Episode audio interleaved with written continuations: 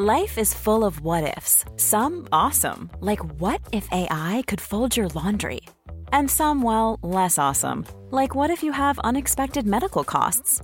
United Healthcare can help get you covered with Health Protector Guard fixed indemnity insurance plans. They supplement your primary plan to help you manage out of pocket costs. No deductibles, no enrollment periods, and especially no more what ifs. Visit uh1.com to find the Health Protector Guard plan for you. Here's a cool fact a crocodile can't stick out its tongue.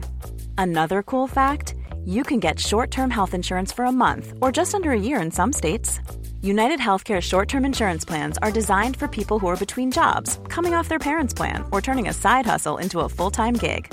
Underwritten by Golden Rule Insurance Company, they offer flexible, budget friendly coverage with access to a nationwide network of doctors and hospitals. Get more cool facts about United Healthcare short term plans at uh1.com. Quality sleep is essential. That's why the Sleep Number Smart Bed is designed for your ever evolving sleep needs. Need a bed that's firmer or softer on either side? Helps you sleep at a comfortable temperature? Sleep Number Smart Beds let you individualize your comfort so you sleep better together. JD Power ranks Sleep Number number 1 in customer satisfaction with mattresses purchased in-store. And now, save 50% on the Sleep Number limited edition Smart Bed for a limited time. For JD Power 2023 award information, visit jdpower.com/awards. Only at a Sleep Number store or sleepnumber.com. Er det litt uvant å være inne, eller? Ja, veldig uvant med asfalt og lys og sånn. Og vann i en kopp og Nei, jeg bare føler liksom sånn Nå har vi blitt litt vant til bekk og Kjent på vikinglivet litt skikkelig. Så mer om eh, vår nye Vikinglivsstil. Litt senere, kanskje. Jeg er litt usikker på hvor troverdig det der er, Harald. Vi får se. Ja.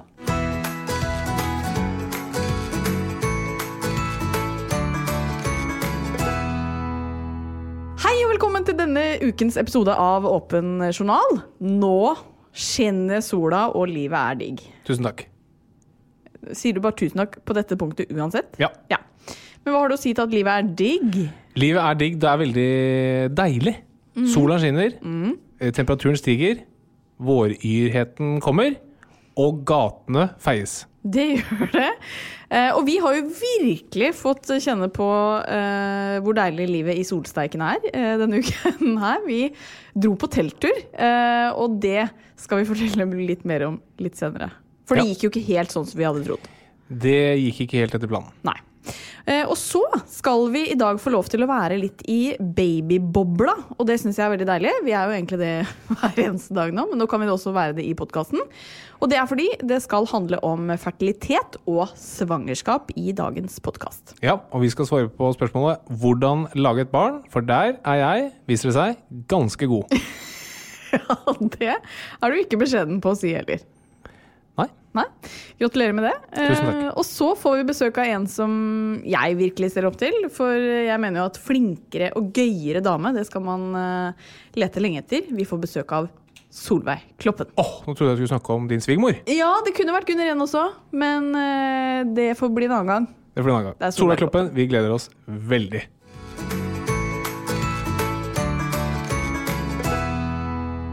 Før vi går løs på teltturen, skal vi innom noen andre punkter. Og det er din bursdag! Ja! Hipp hurra! Hipp hurra, du har blitt 31 år gammel. Yes. Feiret med brask og bram på lørdag. Ja, mest brask. Hvorfor ikke bram? Jo, det var bra òg. Ja, Fortell, da. Hvordan var dagen?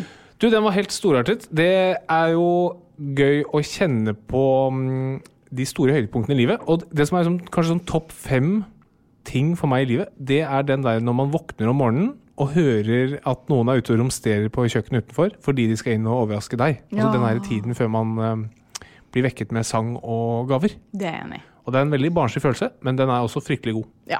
Fordi da jeg sneik meg ut uh, klokken halv ti på lørdag morgen, så uh, var jo du våken.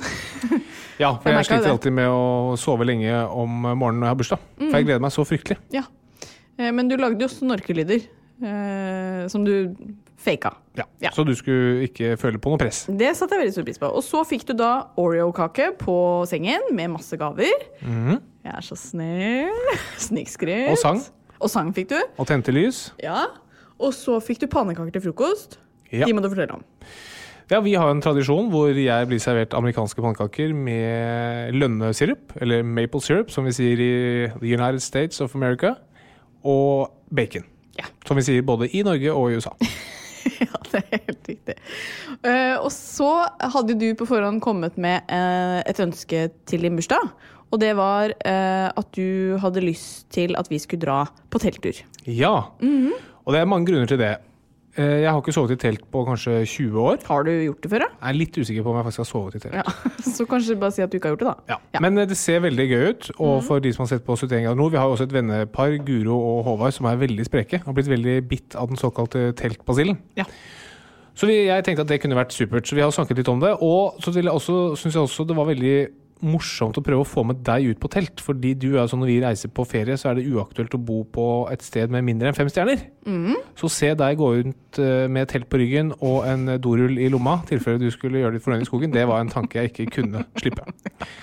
Så det lanserte jeg som et ønske, og det fulgte du faktisk opp. ja, jeg gjorde det. Så du planla telttur. Det var heldigvis lite som skulle til fra din side, fordi du fikk eh, Guro og Håvard til å pakke sekker Mm med alt. Fordi vi har jo ikke telt eller sovepose eller noen ting. Og vi dro da på min bursdag ut til de og hentet ferdigpakkede sekker.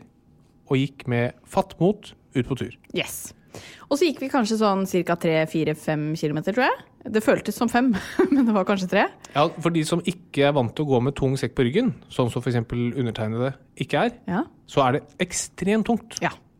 Eh, Det kan jo også være fordi du skulle ha, eh, på Død og liv ha med øl til ølsmaking. Eh, inne på denne teltturen. Ja, for det var et annet ønske jeg hadde på bursdagen, at jeg skulle ha ølsmaking. Og så var det kanskje litt dumt å kombinere telttur og ølsmaking. Så det ble ekstra vekt. Så mye av vekten var jo øl. Uh, men vi gikk jo da langt inn, fant oss omsider et uh, sted. Og da må jeg bare si at jeg har vært veldig skeptisk, i og med at jeg er veldig glad i komfort. Men nå hadde vi jo verdens beste utstyr med oss, og den der gleden av å sitte og lage primuslunsj og få opp det teltet og ligge i en hengekøye i sola, altså det var jo helt magisk. Ja, det var faktisk ti av ti. Ja, det var ti av ti. Eh, og du begynte å smake på ølen, og det var liksom veldig god stemning. Um, og så Ja, vi hadde jo i forkant vært Ja. litt sånn i tvil. Da skulle vi gjøre Ja, tørre det må og så vi videre. si. Ja. Og så hadde vi gått inn da, halvannen time innover i skauen og slått opp eh, da telt. Og så fikk vi en melding fra en i min familie som sa at eh, husk, Harald, du har en kone som er gravid, og hun har diabetes, og det er koronakrise i hele landet. Er det så fryktelig lurt å sove ute i telt? Ja, og da må jeg bare forklare, fordi det er noen som har sendt meg melding eh, De skjønner på en måte ikke helt hva som er farlig med å eventuelt bli forkjøla. jo- man skulle jo ikke tro at det var så mye korona kanskje ute i skogen, og det er det jo ikke nødvendigvis. Men man tar jo en risiko ved at f.eks. vi kan fryse, bli kalde og bli forkjøla. Og da har vi enda dårligere immunforsvar, særlig jeg kanskje, hvis jeg da møter koronaviruset. Altså, det går jo bra. Det er går jo bra, vi hadde med alt, og det hadde alltid gått Ja. bra. Og det jo, den meldingen er jo bare sendt av kjærlighet. Ja. Men eh, når du først får en sånn melding, så blir det litt vanskelig å stå i den avgjørelsen. Ja, for det er jo som når noen spør deg har du husket å skru av kaffetrakteren i dag før du dro hjemmefra. Du må liksom sjekke. Ja, du må sjekke. Så det resultatet var at vi måtte da pakke ned eh, denne teltplassen, Etter to timer. ja, som var litt antiklimaks, og vi måtte forte oss før det ble mørkt for å rekke tilbake til bilen. Ja. Men eh, det ble vel altså det som uh, må kunne karakteriseres som verdens korteste telttur. ja. Og jeg vil ikke si at det var forgjeves, fordi vi fikk på en måte det beste av det beste. Vi, ikke, vi rakk jo ikke å begynne å fryse eller sove dårlig i et telt. Um, så vi fikk jo veldig lyst til å gjøre dette igjen. Ja, og du fikk jo også pølse på teltturen. Ja, jeg fikk pølse på primusen. Ja, Ja, det skal virkelig understrekes at det var det du mente. absolutt. Ja. Um, og det, men det ga mersmak, det òg. Pølse. ja, på telttur. Ja. Men det gjorde virkelig det. Og jeg gleder meg til vi kan gjøre det igjen. Men kanskje, kanskje når vi ikke på en måte har en liten baby å ta hensyn til. Ja, Det var Ja. rimelig flaut å ringe Guro Håvard på FaceTime den kvelden, og det første de ser, var stukkaturen i taket i leiligheten vår. Ja. Men som mine venner sa til meg da jeg kom hjem, når på den teltturen hvor du fant ut at kona di var gravid? Dette kunne du tenkt på på forhånd. Det jeg er helt enig. Vi har fått mye tyn, og det er meget fortjent, og all tyn mottas eh, med åpne armer. ja. Og så skal det sies at jeg har jo aldri sovet så godt som jeg sov etter at vi kom hjem den kvelden. Fordi da var jeg så sliten av å gå fram og tilbake til det vannet. Eh, og satte kanskje ekstra pris på en varm dusj og en god seng.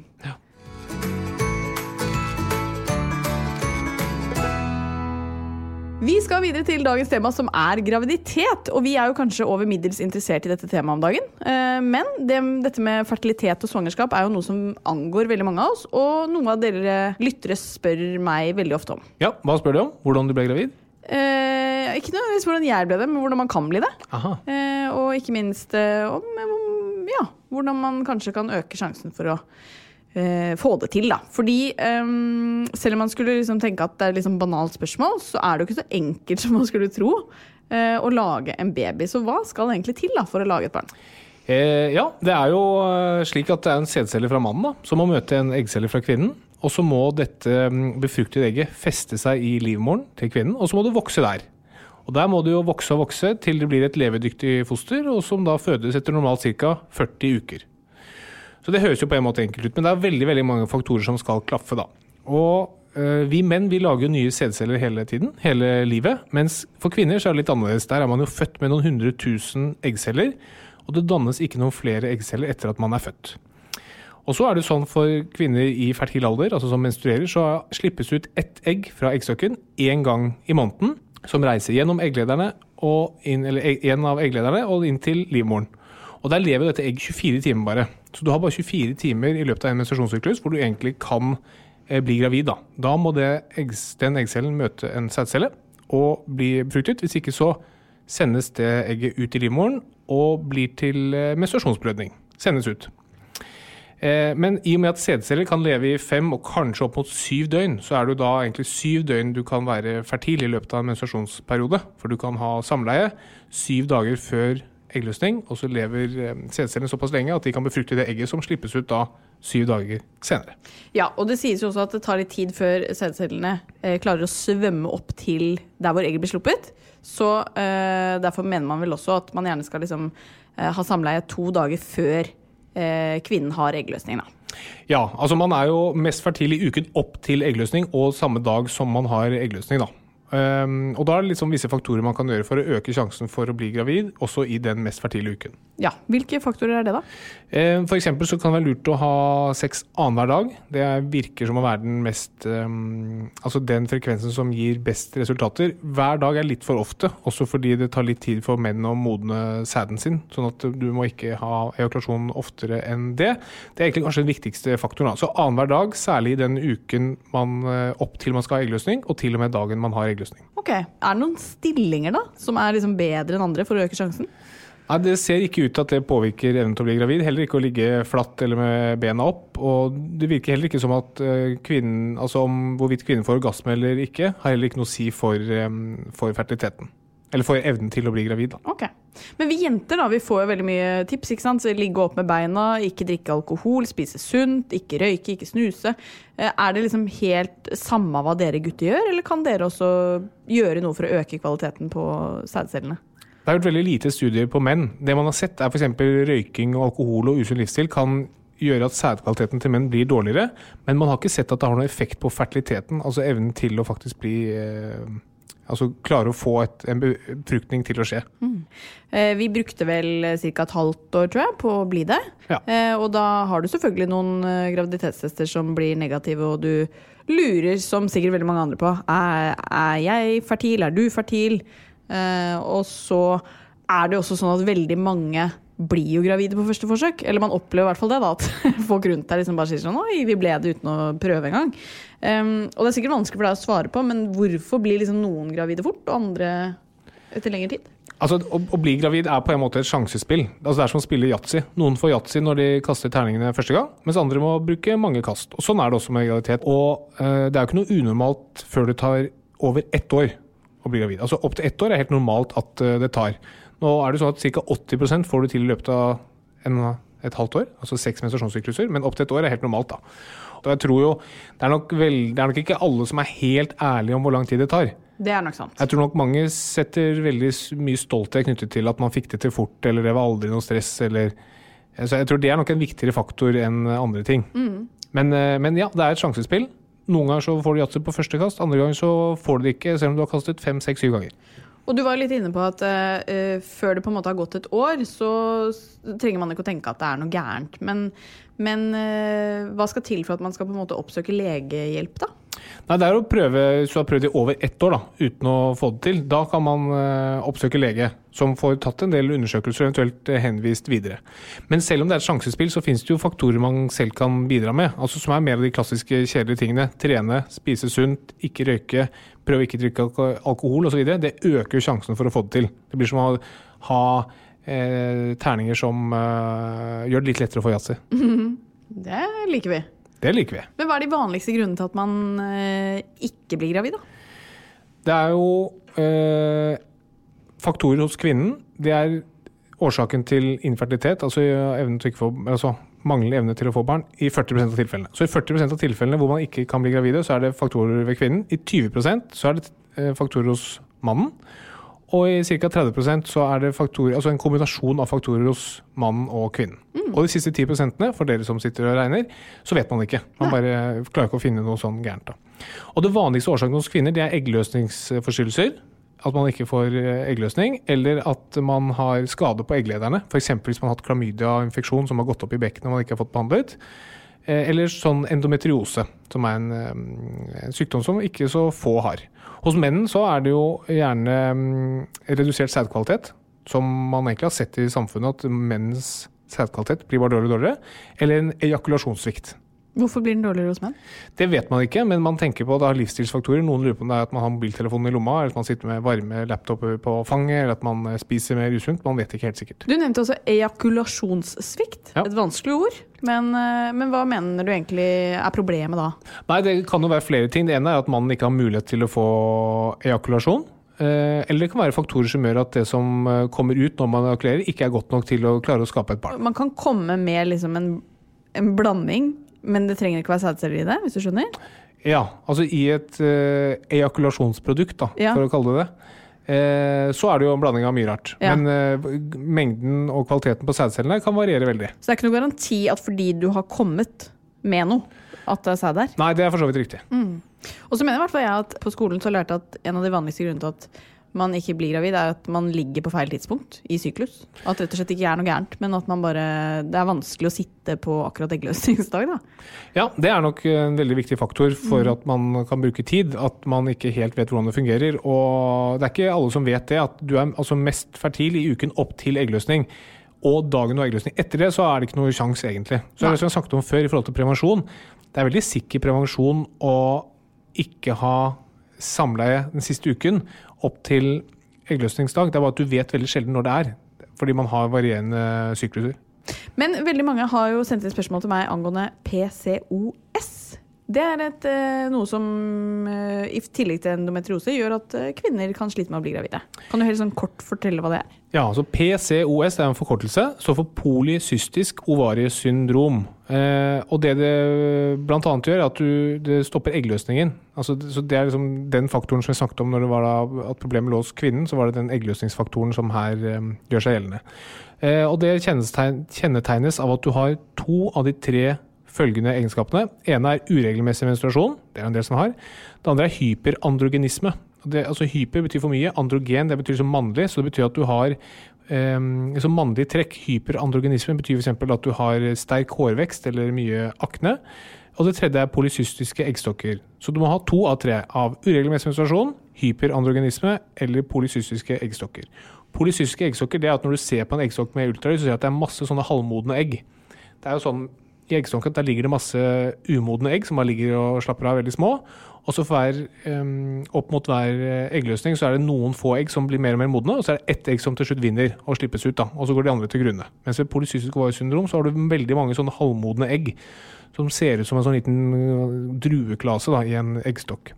Og det er ca. én av syv jenter som faktisk har PCOS, så det er ganske mange ganske vanlig. Og eh, det skyldes en hormonubalanse, at du bl.a. har for mye mannlige hormoner i kroppen. Og det som er viktig å si, er at overvekt og fedme det er, det er ikke noe årsak til PCOS, men det kan allikevel ofte hjelpe med vektreduksjon og fysisk aktivitet. da. Ja, Er det noe annet som kan hjelpe, hvis man på en måte ikke er overvektig? Ja, sånn at du behandler gjerne symptomet i seg selv. Da. Altså, har du mye akne, så behandler du det på en måte. Mye hårvekst, så kan du behandle det. Men når du kommer til, til eh, evnen til å få barn, så må du prøve å få til en, en eggløsning. Da, og, og, få kontrollert det i større grad. Og da kan en faktor være faktisk å øke um, insulinsensitiviteten. Altså PCOS er ofte assosiert med insulinresistens, som er liksom langs diabetes 2-aksen.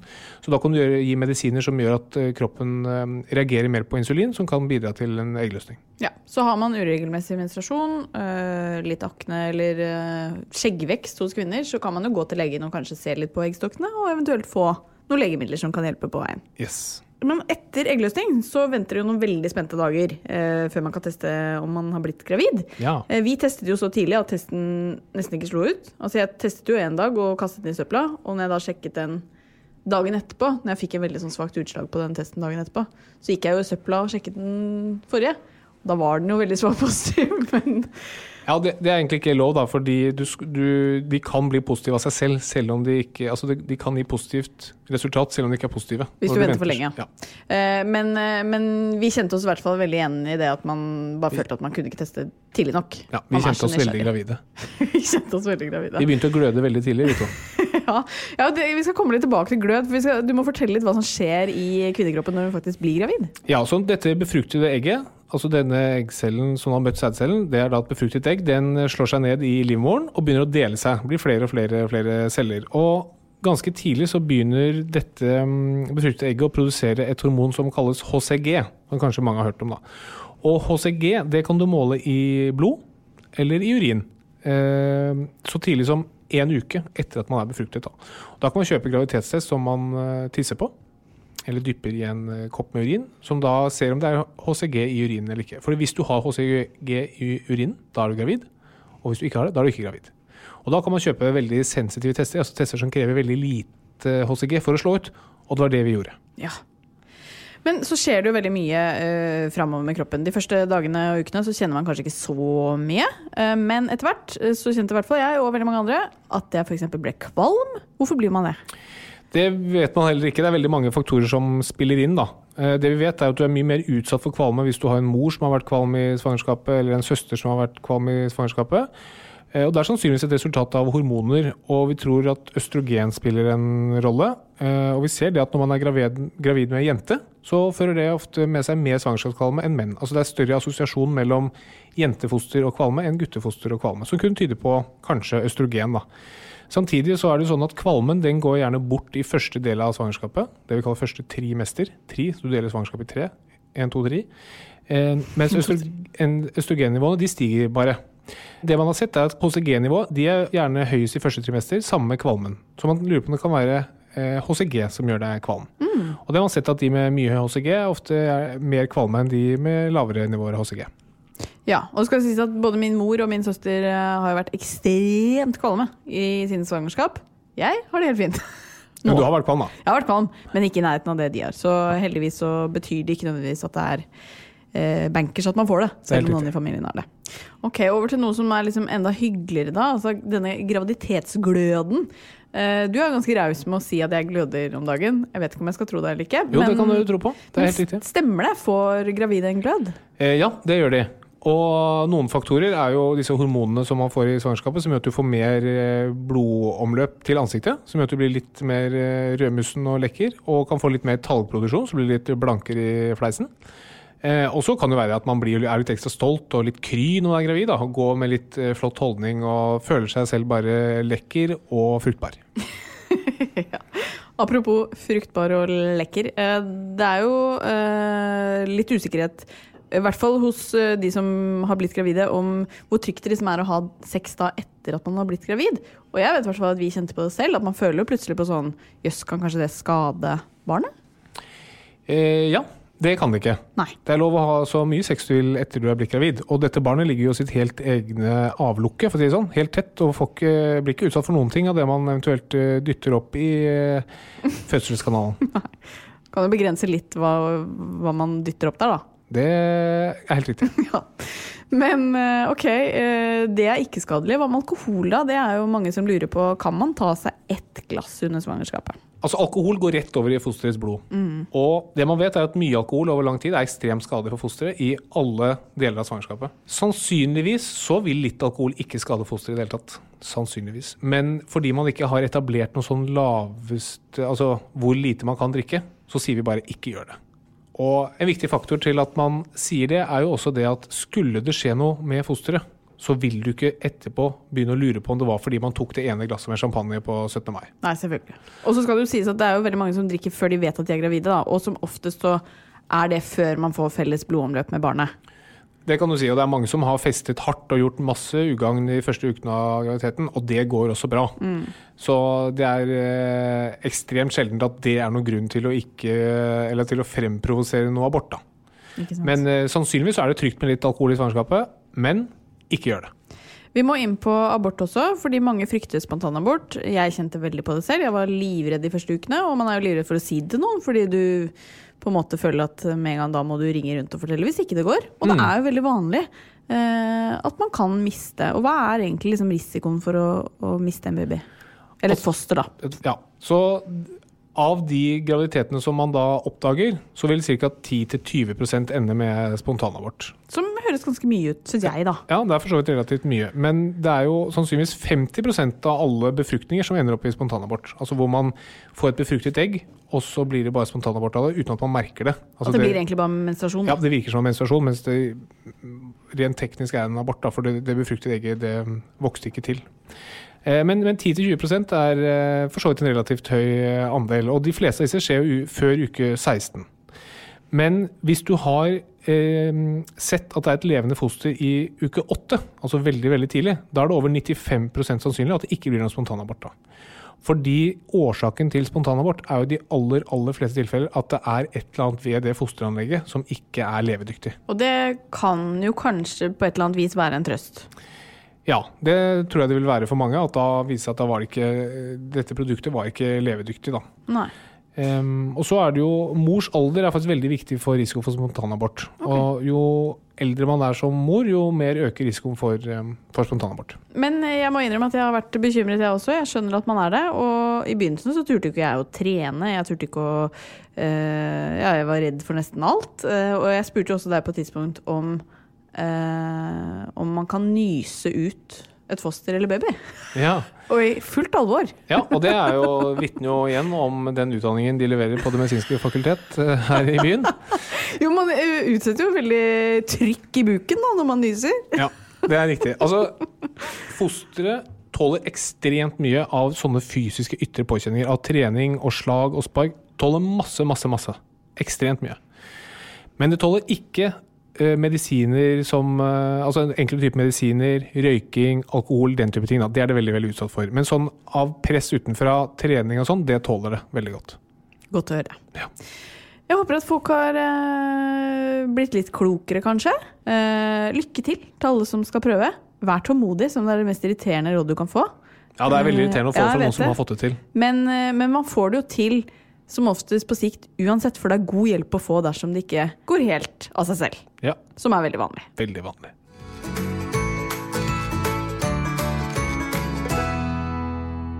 Og med det så skal vi videre til dagens lille koronahjørne. Ja, jeg har begynt å kalle spalten det, for jeg syns det fenger det navnet der. Syns ikke du? Jo. Jo. Corona corner kunne det vært. Corona Corner kunne jeg også sagt. Ja, Får se om jeg bytter navn til neste gang.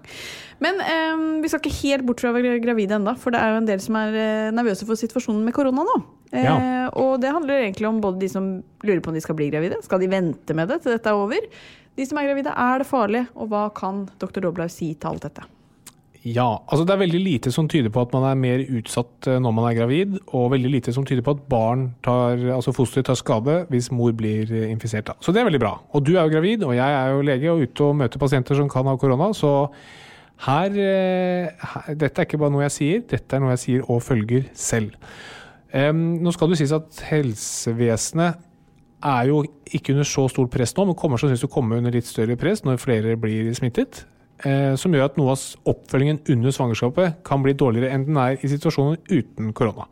Men den svangerskapsoppfølgingen vi har i Norge, mangler jo sidestykke i verden. Det er altså så bra, så god og tett oppfølging, så at den blir litt dårligere, det er helt uproblematisk. Og jeg ville ikke sett noen grunn til å vente med å prøve å bli gravid, eller vente på å bli gravid, pga. situasjonen vi er i.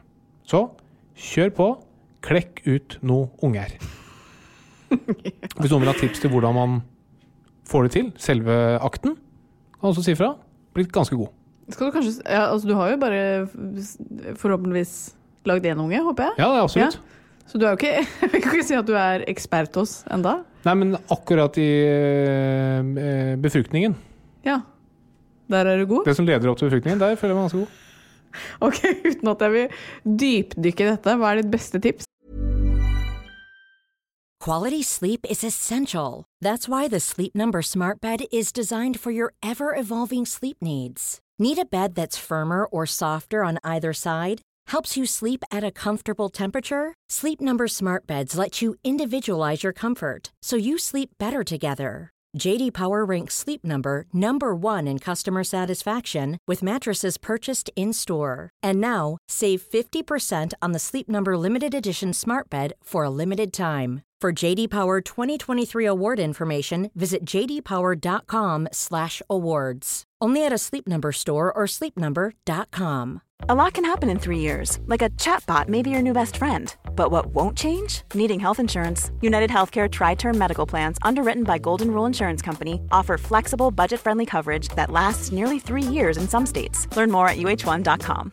Hey Dave, Yeah, Randy. since we founded Bombus, we've always said our socks, underwear, and t shirts are super soft. Any new ideas? Maybe sublimely soft. Or disgustingly cozy? Wait, what? I got it. Bombus. Absurdly comfortable essentials for yourself And for those facing homelessness. because one purchased equals one donated. Wow, did we just write an ad? Yes. Bombas. Big comfort for everyone. Go to bombas.com slash ACAST and use code ACAST for 20% off your first purchase. Hva er mitt beste tips? Det er på en måte en totalpakke. Ikke sant? Det er sånn, sånn, hvis du skal bygge Titanic, hva er den viktigste delen i Titanic? Eh, mitt beste tips er Nei, det har jeg, det har jeg, jeg har ikke noe Du sa jo at folk skulle spørre Jeg deg! vet. Jeg tenker at å ikke spør meg. Det finnes masse instruksjonsfilmer på internett. Bruk internett, ja. Ja. Du trekker deg? Jeg trekker meg. Greit.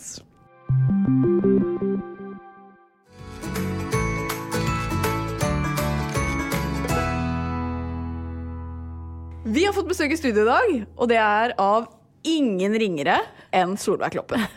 Det er så koselig. Det er så hyggelig å være her. Dette har jeg gleda meg til. Mener du det? Ja, Hvorfor det? Fordi at jeg syns dere er så gøyale og fine. Rett og slett. Det er helt uh, sant. Mm. Jøss. Er det noe du gruer deg til ved å være her? Ja, jeg gruer meg til quizen. Fordi at uh, jeg har en følelse av at uh, din fru er Ikke bare har hun et vanvittig konkurranseinstinkt, men hun er også en dårlig vinner. Kan Det det, er helt, det er helt riktig. Eh, så jeg Hun er en dårlig vinner Ja. og en dårlig tapper. Åh, verste Men fordelen er at hun er også dårlig i quiz. OK! Hun er, hun er dårlig på alt. Ja, det er sant. Jo, jeg er her, jeg også. Åh, men dårlige vinnere. Åh, åh, herre. Du hater det. Jeg hater det. Jeg bor sammen med to dårlige vinnere hjemme. Hvordan blir de? De blir så hoverende og så eh, Og pirk, ikke sant? pirker borti Mm. For jeg, eh, jeg har jo et velutvikla konkurranseinstinkt selv, så jeg vil jo helst eh, vinne. Eh, er en dårlig taper, men eh, blir ekstra dårlig da, når de Ja. driver og pirker borti nederlaget. Nå gleder jeg meg enda mer. Nei, det er ingenting som er så deilig som å knuse folk som har skikkelig lyst til å vinne. oh, men du, for du blir hoverende. Ja, ja, ja. Er gæren? Altså, jeg spilte shuffleboard-VM i Østerrike, og det var jo bare Det er også rart, men- Ja, det er også rart. Men det var bare med folk over ja, Så å si bare med folk over 70. Ja, det er ikke så rart. Nei, ikke så rart. Men der slo jo jeg en dame på 92. Og altså, jeg hadde null så sympati. Hun var sånn uh, overlevd krigen og She, she had been traveling from Australia just to meet some people in Europe. Og så møtte hun Katarina Flatland. Og vet du hva, jeg spilte mot folk som Nå blir ikke dette en lang avhandling, men det var et ektepar også som hadde liksom De hadde en kreftsyk sønn hjemme. Og hun forteller meg dette mens vi spiller. Og det gir deg bare mer motivasjon til å knuse henne. Ja, ja. bare, so he, men vi liksom tenkte vi skulle dra for han og kjempe for han og sånn. Men det lot bare, du deg ikke å affisere av, nei. men Nei. ikke lenger. Ja. Ja, vet du, for jeg tenkte sånn Jævlig utspekulert å fortelle Ja, ja. dette. Men du tenkte ikke på om du skulle bare matche den og sånn doble den? Sånn å ja, du er én Jeg har to barn jeg med kreft. Nei, gud, Men, du, men er det lov å spørre om hvordan du endte opp i, i Østerrike på uh, ja, VM i shuffleboard? eh, det er jo mamma og pappa som spiller, da. Så jeg ble med de. ja. Du vet hva som skal til for å bli med på det norske landslaget i shuffleboard? At man har foreldre som spiller uh, Er det at du er god venn av Halvard Flatland? Ja, rett og slett. Rett og slett. Åh, så Han er diktator i Norges Shuffleboardforbund. ja, så det, men det er dritgøy. Må bare slenge inn en liten reklame for Men har, shuffleboard også. men har du fått lov til å være med, Harald? Jeg har faktisk fått lov til å være med. Ja. Um, jeg Bare, på EM foreløpig? Eh, ja, ikke det. Bare NM. Ja, Ja. ok. Men eh, spilte meg ut ganske fort. Jeg er ganske dårlig. Jeg er dårlig i mye, bl.a. sport og geografi. Til min svigerfars store um, ergrelse. Er du dårlig i sport? Ja. Nei, er du? Ja. Å, det, vil- det overrasker meg. Jeg skårte bl.a. selvmål i en ganske viktig basketkamp eh, jeg spilte på da jeg gikk på videregående. Og selvmål i basketball, det, det gjør seg ikke sjøl. Det skjønner jeg ikke at du har fått til. Nei, takk for det. Um, men du, jeg syns det virker som humøret ditt er upåklagelig. Takk, men jeg tror jeg kom i godt humør av å Ja. møte dere nå. Ja. Ja, så Ja. hvordan er det sånn generelt uh, om dagen? Uh, Nå skal jeg tenke meg om. Nei, det er ganske bra. Jeg, sånn, isolert sett så tenker jeg at uh, vi i vår lille gjeng eh, har det ganske fint. Eh, jeg er eh, For det første så tenker jeg guri, jeg er takknemlig for at jeg bor i Norge. Eh, og jeg stoler på myndighetene. Eh, jeg gjør som de sier. Eh, og har tillit til dem. Eh, og så er jeg glad for at jeg bor sammen med en familie som jeg liker i utgangspunktet. Det tror jeg er veldig heldig nå. Mm, alt blir jo litt forsterka. Ja. Det merker man jo. Men du har jo en familie som du for så vidt har lagd sjæl litt. Ja, igjen, da. ja. Eh, For når du sier at du bor med en familie som du liker, for, Ja. hvor mye av det er tilfeldigheter, og hvor mye er aktiv innsats? Fordi vi må jo vite det nå som vi er i ferd med å lage vår egen. Ja.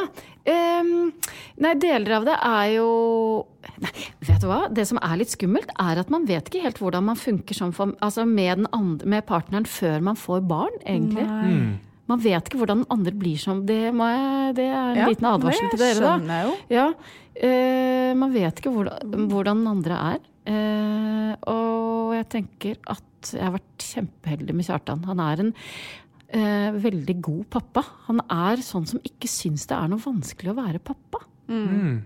Det er så fint å se på, liksom. Ja, og dette med å være raus med hverandre, da. Ja, Hvor nei- viktig er det? Liksom? Nei, det er skikkelig viktig. Ja. Det må Tenker man bare på, hun tenker på raushet i forhold til sånn fødselsgave. Ja, det er skikkelig viktig. Det er Det det viktigste. Nei, men Hva tror du er viktigst da, når man skal få barn? Vi trenger litt tips, altså. Ja, eh, jeg tror Raushet, vet du hva, det, det, det tror jeg er kanskje det aller viktigste. Eh, og så eh, Den første tiden eh, så er man jo eh, Det er viktig også å tenke at sånn f.eks. For i forhold til det med søvn blir jo innmari viktig. Og det blir det jo ganske lite av eh, ofte. Og at huske på det at det er søvnløshet nok for begge. Mm. at Jeg husker bare noen av de der morgenene hvor man sitter sånn Hvor jeg hørte Kjartan si så det, Hæ? Sitter du og sukker? Det, eh, jeg, var, eh, jeg tror kanskje det var jeg som var mest oppe oppe i natt. Så det er litt rart, akkurat den der.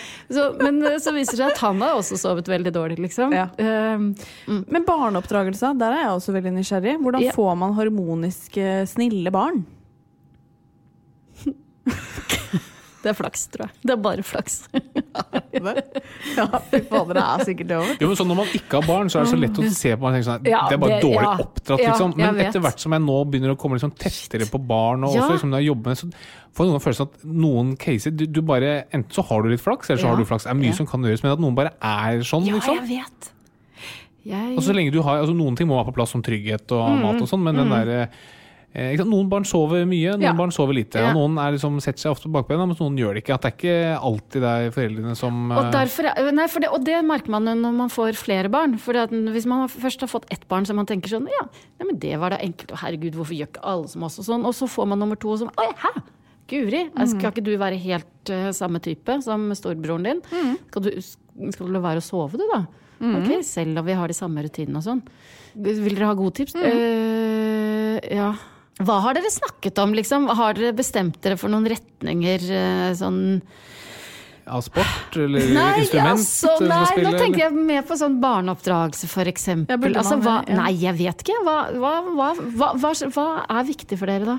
Jo, men vi har snakket litt om verdier, tror jeg. Ja. Det har vi jo. Ja. Hva som blir viktig. Ja. Men eh, det vi har Nei, men vi har vel ikke snakket så mye om hvordan vi skal komme fram til den ungen.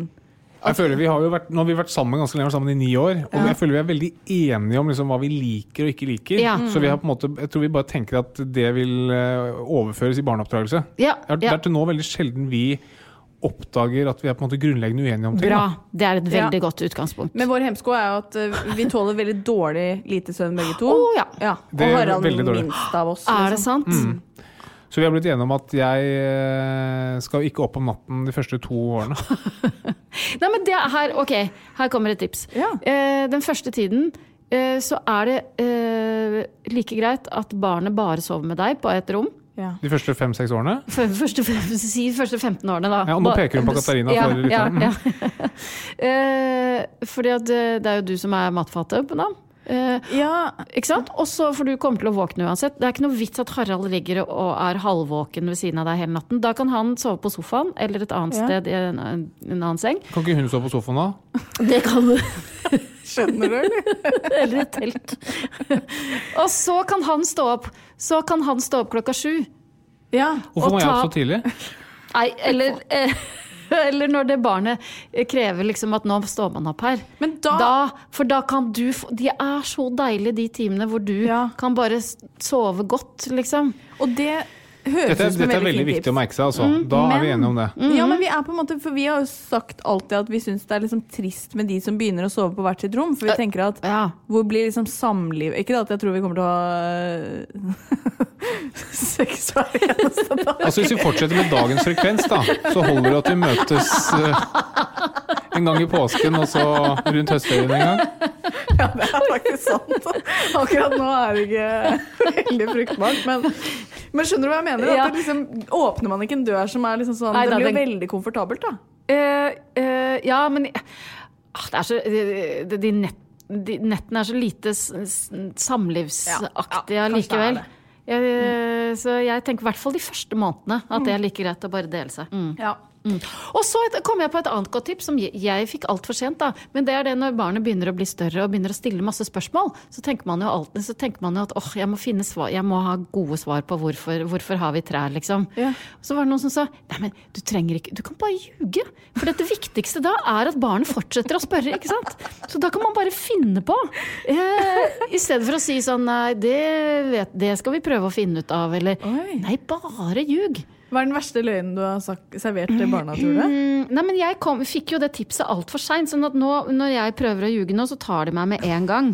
Men eh, jeg prøver så godt jeg kan å ljuge hele tiden. Ja.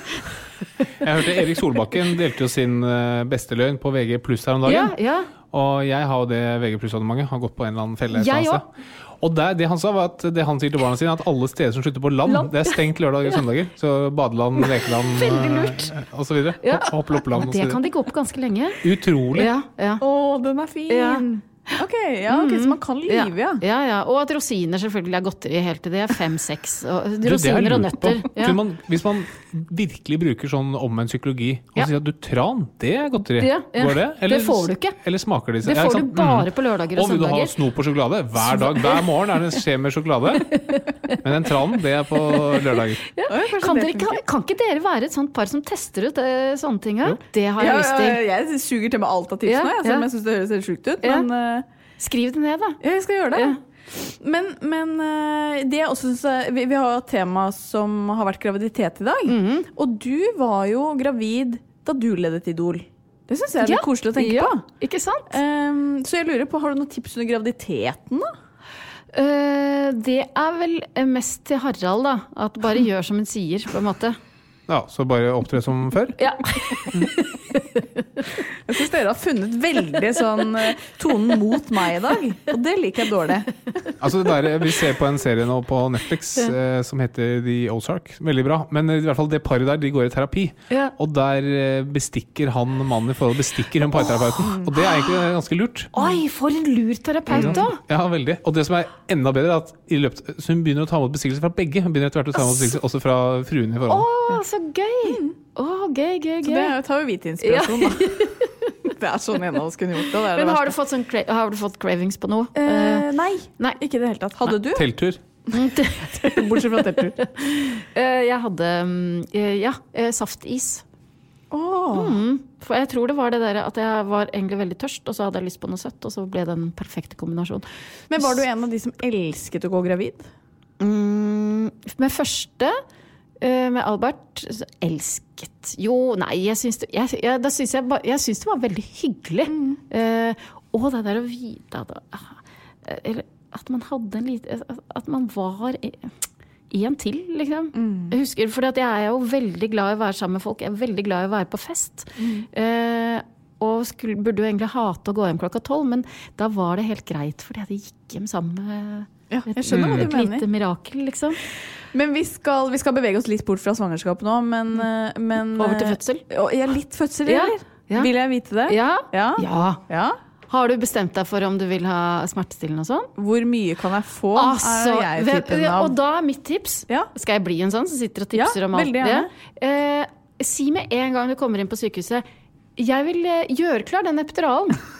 Ja. Fordi at jeg er en sånn som vi gjerne vil ha epidural, så bare gjør den klar. Mm. For at plutselig så sier de 'å nei, nå kom det noen som trengte den mer enn deg'. Ja. Eh, så Ja, vi holder av en sånn en. Ja. Ja. Åh, vet du hva? Jeg har aldri vært så i himmelen jeg, som i de to gangene jeg fikk epidural, må jeg si. Er det sant? Ah, jeg var så fornøyd. Ja. Det eh, helt Så eh, etter det var det ikke så ille, eller? Nei. Nei. Men det var vel også fordi at med Albert så hadde han hadde valgt å, å snurre den navlestrengen rundt uh, halsen, sånn at han ble tatt ganske kjapt med sugekopp. Så da rakk jeg bare et par sånn presserier. Så gjorde det litt mer vondt med å klare akkurat det der å presse ut, det Ja. må jeg si. At, og da kan jeg fortelle en liten hemmelighet. Ett år etter at jeg For da skrek jeg så høyt at jeg, eh, at jeg så meg selv litt utenfra og tenkte guri malla. Det var, men og så innrømmet Kjartan ett år etter fødselen at han hadde tenkt Nei, men så vondt gjør det vel ikke?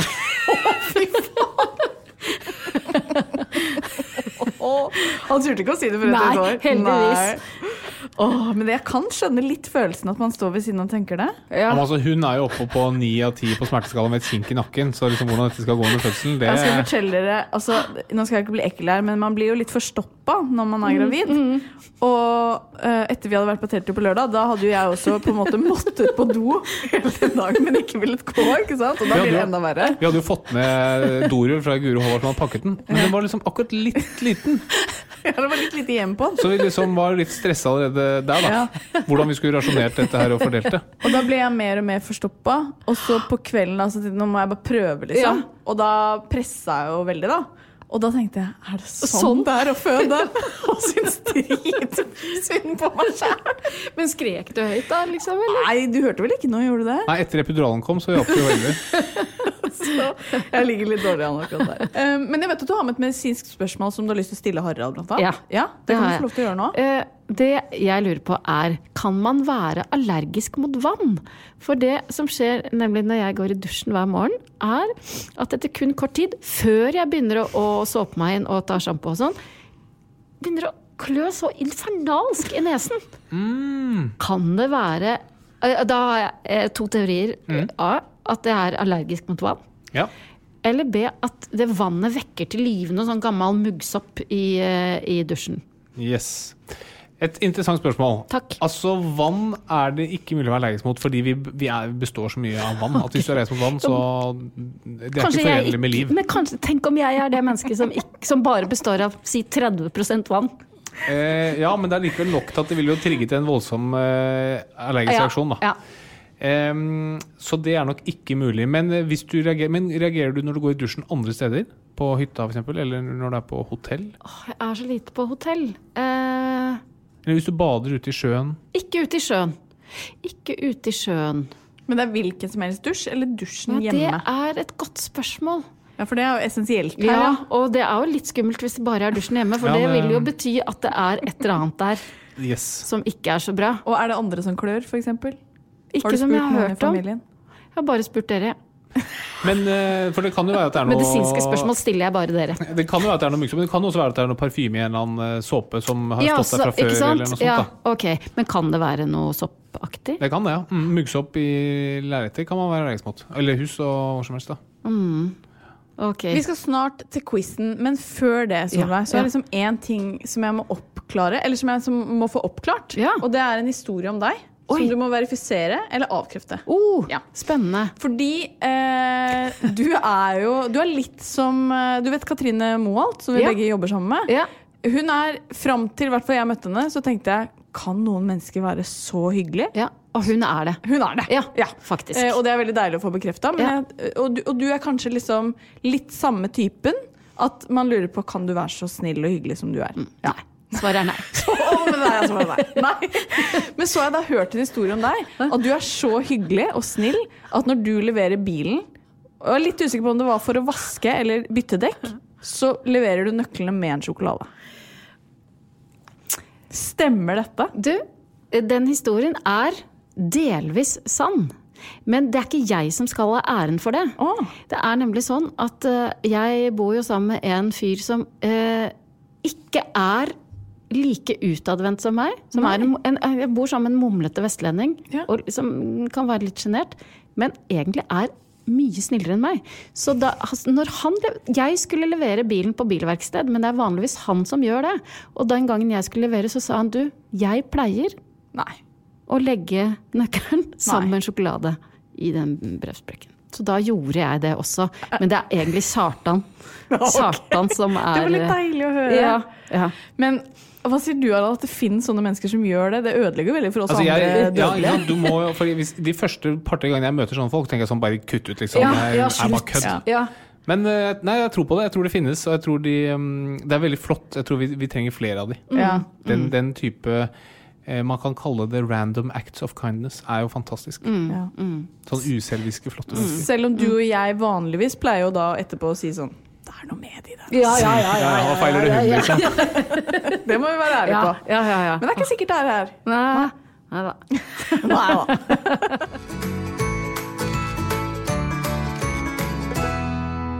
Da kjører vi i gang med denne ukens quiz.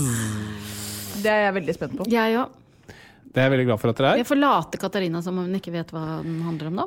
Apropos dette med å bestikke noen. Kanskje jeg har mottatt bestikkelse for at hun får svarene på forhånd. Kanskje ikke. Det gjenstår å se. Vi kjører i gang.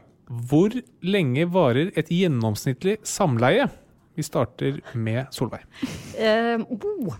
Eh, og da snakker vi hele verden, eller snakker vi Norge, eller Tåsen Hageby, eller eh, ja, i Rosenborggata 2, der var vi på. Ja. Eh, altså Undersøkelsen er vel gjort et eller annet sted i den vestlige verden, tipper Ja, det er mye kortere enn man uh, tenker uh, i utgang. Jeg tipper 3 minutter og 30 sekunder. Ok, Katarina. Ja, her er det veldig vanskelig å vite, fordi um, Inkluderer det foreplay? Nei, dette er fra Dette er fra penetreringen er, har funnet sted. Ok, da tror jeg det varer Å, ja. i Jeg er litt mer optimistisk. Ja. Jeg tipper 5-15. Å, ja. Oi! Veldig bra, Katarina. For fasen er 5.20. Nei, er det sant? Hun er godt vant, da. Ja, nå, nå bare la jeg veldig mye til her, da. Hei. Godvilja til. Veldig bra. Ja, det var dårlig. gratulere. Neste spørsmål. Ja. Start med deg, Solveig. Ja. Hva betyr det når et spedbarn sier følgende? Det eh, betyr Det kommer jo an på foreldrene. Eh, hva de ikke sant? For spedbarn, de bare hermer. Så hvis eh, moren har sagt «Wæ, wæ», så betyr det kanskje eh, bare 'jeg vil ha eh, is', for eksempel. Ok. Katarina? Oi. øh, da tror jeg faktisk at du må bytte bleie. Nei, det er helt umulig å si. Nei! Jo, det, det er jo spedbarn. De vet Utrolig ikke kjedelig quizsvar. Ja, ingen poeng? Nei. Men det er det du må forberede deg på. At den oh, ja. quizen her kan begynne veldig seriøst, Ja, og så slutte helt useriøst. mener okay. Det er jo ingen som sånne spedbarn De lager men ofte sånne lyder. De lager er ofte sånne lyder. så lenge det ikke er mulig å få poeng. Jo, svaret er det er mulig å si. Neste spørsmål. Mm. Hva er disse myke punktene i hodet til nyfødte barn? Starter med Katarina. Fontanellen, tenker du på? Ok, Hva er det for noe? Ja. Ja, det er jo der det er mykt. Er det sånn? Hun er ikke ferdig lege. Det er helt riktig. Takk, gode gud. Men det er ikke mer enn ett år for å få retta opp den eh, kursen her. Eh, jo, men eh, du har jo mykt hva, Hvorfor det er mykt, var det det du spurte om? Ja. Det er jo, kan jo ha noe med at i hvert fall under fødsel så skal man jo presses gjennom en veldig trang fødselskanal. Mm. Hvor det da du ikke ønsker liksom brudd i hjernen, f.eks. Så for at den skal Hjernebrudd? Ja. For at da skal Hvor mange kunne barn får hjernebrudd i løpet av et år? 5,2. Nå rotter dere dere sammen igjen. Jeg gleder meg til du skal bare fortsett, du. Dette er Ja, det er interessant. det. Og Ok. da, for at ikke de skal få brudd i hjernen når de fødes, så har de myke punkter som gjør at det kan skvises litt sammen. Ok. Lurer på hvor mange som har studert medisin i fem år som, snakker om brudd i hjernen. Men det kan være spørsmål til neste Du kan quiz. da få skallhjernebrudd. Nei. Herregud, vet du hva? Du, du er som en fisk i et garn. Jo mer du spreller, jo mer knyter nettet seg rundt skallebrudd. Det er det jeg mener. Det er ikke det du har sagt. Ok, Solveig, er du, Har du noen andre forslag til hva disse Ja, myke for du vet er? at jeg har studert eh, fysioterapi. Ja. Uh, Hvor lenge? mm, I tre kvart år av det første året av i alt tre år. Har du lært om hjernebrudd? Nei, Det kommer senere. Kommer, det kommer på år to. Men, Ok, Hva er disse myke punktene i Ja, De myke punktene, det er, gans, som eh, Katarina, dr. Flatland ganske riktig sier, det er eh, fontanellen. Yes. Men det er fordi, både fordi man skal presses ut av denne trange kanalen, men også fordi at hjernen vokser jo, ikke sant? Den skal ha plass til å utvides. Ja. Eh, så ja. Så det er helt riktig. sånn at Mm. Skallen består av masse løse bendeler som bare henger løst sammen. Mm. Det er som som eh, Arktis. Det kan du si. Som Mm. masse isflak på en sjø. sjø. Og så mm, er det noen områder hvor det er stor avstand mellom de, og det er myke områder som kalles fontaneller. Mm. Du har flere fontaneller, du fødes gjerne med to stykker. Så hvis du eh, inn der, så kjenner du inn på hjernen. Mm. Neste spørsmål starter med Katarina. Hvor mange barn fødes i Norge hver dag? Eh, 42. Ok, så Eh, jeg vil si uh, ja, Hvor mange Eh, 106. Det er 150, så Ja. poeng til Solveig. I Norge hver dag? Det var mange. Ja, Da er likt, da. Det er 2-2. Å, Det er for du teller? Ja, vi gjør. Neste spørsmål starter med Solveig. Ja. Man styrer jo ofte nivået av ukepenger og lørdagsgodt basert på barnas oppførsel. Burde dette også ja. gjelde oppførselen det første leveåret til barnet? Ja at, ja, at du får ikke melk hvis du, ikke, hvis du bare sier wæ, wæ. For, ja, eller, at, eller at du senere i livet kan få mindre ukepenger fordi du oppførte deg så ufyselig det første leveåret. Så absolutt sånn bør det være. Sånn bør det være. Ok, Katarina? Ja, ja. Det er jeg for så vidt enig i. Ja, bra. Poeng til begge to. Ja. Jeg gleder meg sånn til den alternative eh, ja, over og den boka dere skal skrive. Neste spørsmål starter med Katarina. Gir akupunktur økt mulighet for å bli gravid? Altså gjør den deg mer fertil? Det kan den gjøre. Faktisk. Okay. Ja, det kan den gjøre, men akupunktur under fødsel eh, hjelper ingenting. Har du prøvd? Ja. Oh, ja. Men eh, nei, det gir ikke noe økt eh, fertilitet med Nei, akupunktur. Nei. Det, det har litt med forskning å gjøre, da, men de har sett på det de har gjort i forskningsøyemed, annet, er at de har gitt nåler som stikkes inn, versus nåler som man tror stikker inn. da. Og der ser man ikke noe forskjell. Ah, nei. Så vet man det. Neste spørsmål starter med Solveig. Mm. Kvinnelig orgasme det påvirker ikke muligheten for å bli gravid. Ja, Men hva med- de- De lærde strides. Mm. Men jeg, vi strides ikke. Kvinnelig orgasme påvirker ikke muligheten for å bli gravid. Men hva med mannlig orgasme? Ja. Det påvirker deg? Ja. Ok, Katarina? Jeg sier også ja. Det er tritt Um, da er det 3-3, bare for de ja, som okay. Eh, teller her. Alle vet jo hva et uh, nytt barn veier. Altså et uh, nyfødt barn skal veie, mener jeg. Men hva veier et seks måneder gammelt barn? Starter med Katarina Flatland. Uh, jeg vil tro 7,5, jeg. Ok. Solveig? Det sier uh, 9 er ca. 7,5 mellom 7,5-8 kilo. Okay. Ja. Veldig bra, Katarina. Fader og bra mm Altså. Da leder du. Hadde veldig tjukke unger. ja. Nest siste spørsmål. Oi! Så nå bør Å. Solveig steppe Ja. Nå må Ja, ja, ja.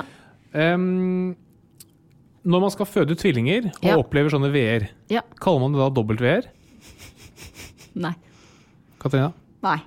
Nei, man kaller det fortsatt vanlig veer. Da fikk jeg poeng. Da fikk du poeng, Ja, for du svarte først. ikke sant? For at hun bare herma. Å ja, sånn, Hun sånn, hadde tenkt å si ja. ja. Ok, så da er det likt igjen.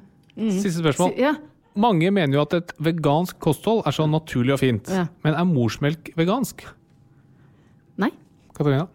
Nei, for det kommer jo fra dyr. Mhm. Ikke sant? Bra. Det var siste spørsmål. Ja, Det var da vant jeg, da! Da vant Fordi hun eh, fikk det, da. Solveig Kloppen. Ja. Ja. ja, men du vant ikke på kunnskap. Hæ? Nei, det gjorde du ikke. Hva?! Hun er dårlig vinner, men også en dårlig taper. Veldig dårlig taper. Vant ikke på kunnskap. Nei, Du vant på flaks. At du fikk svare først. Jo jo. Nei, Det her aksepterer jeg egentlig ikke. Gratulerer, Solveig. Det var vel fortjent. tusen takk. takk. Tusen takk. Men det var veldig hyggelig å ha deg her, Det var veldig, veldig hyggelig å være her. Harald, har du et helsetips før vi runder av? Ja, ukens helsetips det er jo at hvis du skal bli gravid, prøve å bli gravid, så ta en tur til legen litt tidlig, for du skal begynne på forskjellig kosthold. Og så skal man se om det er noen medisiner du skal slutte med eller begynne med, og se om du har noen mangler som må rettes opp før du begynner å prøve å bli gravid på ordentlig. Fine tips. Fine tips. Tusen takk. Jeg skal ikke bli gravid, da. Men kjekt uansett å vite. Kjekt. Vi er tilbake neste uke. Det er vi. Ja, det gleder vi oss til. Og fram til det, ha det bra. Ha det bra. Plan B. Hey, it's Danny Pellegrino from Everything Iconic. Ready to upgrade your style game without blowing your budget? Check out Quince. They've got all the good stuff shirts and polos, activewear, and fine leather goods, all at 50 to 80% less than other high end brands. And the best part? They're all about safe, ethical, and responsible manufacturing. Get that luxury vibe without the luxury price tag. Hit up quince.com slash upgrade for free shipping and 365 day returns on your next order. That's quince.com slash upgrade. Imagine the softest sheets you've ever felt. Now imagine them getting even softer over time. That's what you'll feel with Bowl and Branch's organic cotton sheets. In a recent customer survey, 96% replied that Bowl and Branch sheets get softer with every wash. Start getting your best night's sleep in these sheets that get softer and softer for years to come. Try their sheets with a 30-night guarantee. Plus, get 15% off your first order at bowlandbranch.com. Code BUTTERY. Exclusions apply. See site for details. Even when we're on a budget, we still deserve nice things. Quince is a place to scoop up stunning high-end goods for 50 to 80% less than similar brands. They have buttery soft cashmere sweaters starting at $50, luxurious Italian leather bags, and so much more. Plus, Quince only works with factories that use safe, ethical, and responsible manufacturing. Get the high-end goods you'll love without the high price tag with Quince. Go to quince.com slash style for free shipping and 365-day returns.